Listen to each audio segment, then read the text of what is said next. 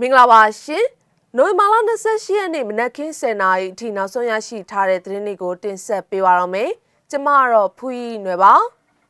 ဖာပွန်ခရိုင်ရှိမထောစစ်ကောင်စီယာယီတပ်စခန်းကို KNL တိုက်ခိုက်ခဲ့ပါတယ်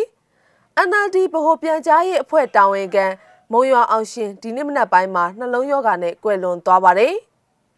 မန္တလေးတပိတ်အင်အားစုရဲ့ညတပိတ်ပြုလုပ်ခဲ့တဲ့အကြောင်းပြည်ရင်းသတင်းတွေအပါအဝင်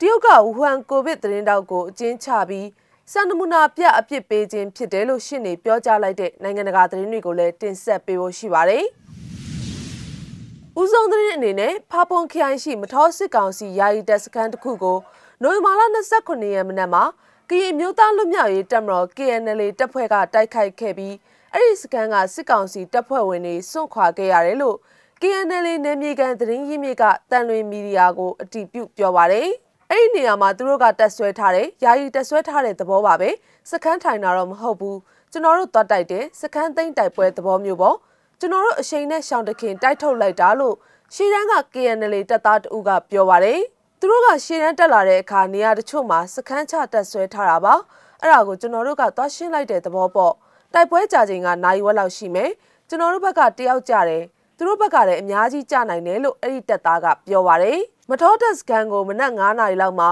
KNL တပ်မဟာ9တပ်ဖွဲ့ဝင်တွေတွားရောက်တိုက်ခိုက်ခဲ့ပြီးစစ်ကောင်စီတပ်ဖွဲ့ဝင်6ဦးကိုလည်းဖမ်းဆီးရမိခဲ့တယ်လို့ KNL နယ်မြေကန်တပ်ဖွဲ့ကတန်လွင်သတင်းမီဒီယာကိုပြောပါတယ်။အမျိုးသားဒီမိုကရေစီအဖွဲ့ချုပ်ဗဟိုပြန်ကြားရေးအဖွဲ့တာဝန်ခံဖြစ်သူကြပြဆရာမုံရွာအောင်ရှင်ဟာဒီနေ့နိုဝင်ဘာလ28ရက်မနက်6နာရီခွဲဝန်းကျင်မှာကွယ်လွန်သွားပြီလို့သူ့ရဲ့မိသားစုဝင်တဦးထံကနေသိရပါတယ်။ ပြန်လွတ်လာတာမကြသေးဘူးအခုမိသားစုကိုအပီးထားခဲ့တော့တာလားအဘရဲ့လို့သူ့ရဲ့မြည်ဖြစ်သူကလူမှုကွန်ရက်စာမျက်နှာမှာရေးသားထားပါတယ်။မုံရွာအောင်ရှင်ဟာရန်ကုန်အိမ်မှာနှလုံးသွေးကြောပိတ်ယောဂါနဲ့ဆုံးပါသွားတာဖြစ်တယ်လို့သူ့ရဲ့ဇနီးဖြစ်သူက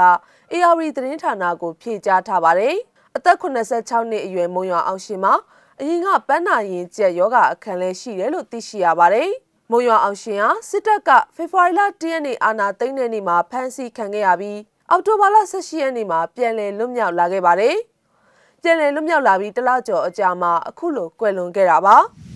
။ဒီနိုင်ငံအတွက်တရားမျှတမှုဆိုတာဘာလဲဆိုတဲ့ကြွေးကြော်တန်တွေနဲ့မနေ့ကနိုဝင်ဘာလ29ရက်ညပိုင်းမှာမန္တလေးမှာညသပိတ်ပြုလုပ်ခဲ့ကြတဲ့ရုပ်တံကိုလည်းဖွင့်ပြခြင်းပါတယ်။ Democracy! ဒီလူတပ်ဖက်တို့ပြည်သူတွေညီရလာ ဟဲ့ညီရဟဲ့ညီရဟဲ့တို့ပြည်သူတွေညီရလာဟဲ့ညီရဟဲ့ညီရဟဲ့တိုက်ပွဲရှိအောင်ဝဲရှိတိုက်ပွဲရှိအောင်ဝဲရှိပတ်သက်တဲ့အမြင့်ပြပတ်သက်တဲ့အမြင့်ပြပတ်သက်တဲ့အမြင့်ပြပတ်သက်တဲ့အမြင့်ပြကြောက်ကြကိုမောက်ပြေကြောက်ကြကိုမောက်ပြေကြောက်ကြကိုမောက်ပြေကြောက်ကြကိုမောက်ပြေတော့အောင်ကြောက်မရသေးရတော့ကြောက်မရသေးရတော့ကြောက်မရသေးရတော့ကြောက်မရသေးရတပိတ်တပိတ်မောက်မောက်တပိတ်တပိတ် မောက်မောက်ဆန္ဒဆန္ဒရရဆန္ဒဆန္ဒရရဒီနိုင်ငံတရားမျှတမှုဆိုတာဘာလဲဒီနိုင်ငံတရားမျှတမှုဆိုတာဘာလဲဒီနိုင်ငံတရားမျှတမှုဆိုတာဘာလဲဒီနိုင်ငံတရားမျှတမှုဆိုတာဘာလဲဒီနိုင်ငံတရားမျှတမှုဆိုတာဘာလဲဒီနိုင်ငံတရားမျှတမှုဆိုတာဘာလဲနိုင်ငံတကာဘက်မှာတော့ဝူဟန်မှာကိုဗစ်ကူးစက်ရောဂါအကြောင်းသတင်းတင်ဆက်ပြီးတဲ့နောက်အကျဉ်းချခံရရတဲ့တရုတ်ဂျာနယ်လစ်ကျန်းကျန်ကို စေဘက်ဆိုင်ရာအကြောင်းပြချက်နဲ့အရေးတကြီးလွှတ်ပေးဖို့တောင်းဆိုမှုတွေများပြားလာပြီးအခုလိုထိမ့်သိမ်းထားခြင်းဟာအခြားသူတွေကိုသတိပေးမှုအဖြစ်ရည်ရွယ်တယ်လို့သူမရဲ့ရှင်းနေကပြောပါတယ်။ရာနဲ့ချီတဲ့တရုတ်လူအခွင့်အရေးရှင်းနေတွေနဲ့နိုင်ငံသားတွေကတေလူမျောပါဖြစ်နေတဲ့ကျန်းကိုစေကူတာမှုချက်ချင်းခံယူဖို့သူတို့ရဲ့နာမည်တွေရေးသွင်းထားတဲ့အိတ်ဖွင့်ပေးစာနဲ့တောင်းဆိုခဲ့ကြပါတယ်။ကျန်းဟာ2020ခုနှစ်အစောပိုင်းကဝူဟန်မြို့အသွားလာကန့်သတ်မှုကိုသတင်းတင်ဆက်ခြင်းအတွက် နှိမ့်ဆက်ညှဉ်းပန်းခံရမှုကိုစန့်ကျင်ပြီးတနစ်ကျော်အစာငတ်ခံဆန္ဒပြခဲ့ပါတယ်။သူမရဲ့သတင်းတင်ဆက်မှုတွေဟာအာဏာပိုင်တွေကဖုံးကွယ်ဖို့ကြိုးပမ်းခဲ့တဲ့ဝူဟန်အသွားလာကန့်သတ်မှုနဲ့ယောဂဖြစ်ပွားမှုဆိုင်ရာတရားဝင်ပြောဆိုချက်တွေကိုစိန်ခေါ်ခဲ့ပါတယ်။သူမရဲ့ရေးရင်မှုအတွက်နေစည်းမချသတင်းတောက်များအဖွဲ့က2021ခုနှစ်သတင်းလွတ်လပ်ခွင့်ဆုကိုနိုဝင်ဘာလ18ရက်နေ့ကချီးမြှင့်ခဲ့ပါတယ်။ကျန်းနဲ့ဟောင်ကောင်တွဲအဖွဲ့ဝင်တွေကိုကိုစားပြုပြီးတဲ့နောက်ရှင်းနေလိုက်စင်ရုပ်သိမ်းခံခဲ့ရတဲ့ရန်ရွှန်နုက ကျန်းရဲ့ပြင်းထန်တဲ့ပြစ်ဒဏ်ဟာ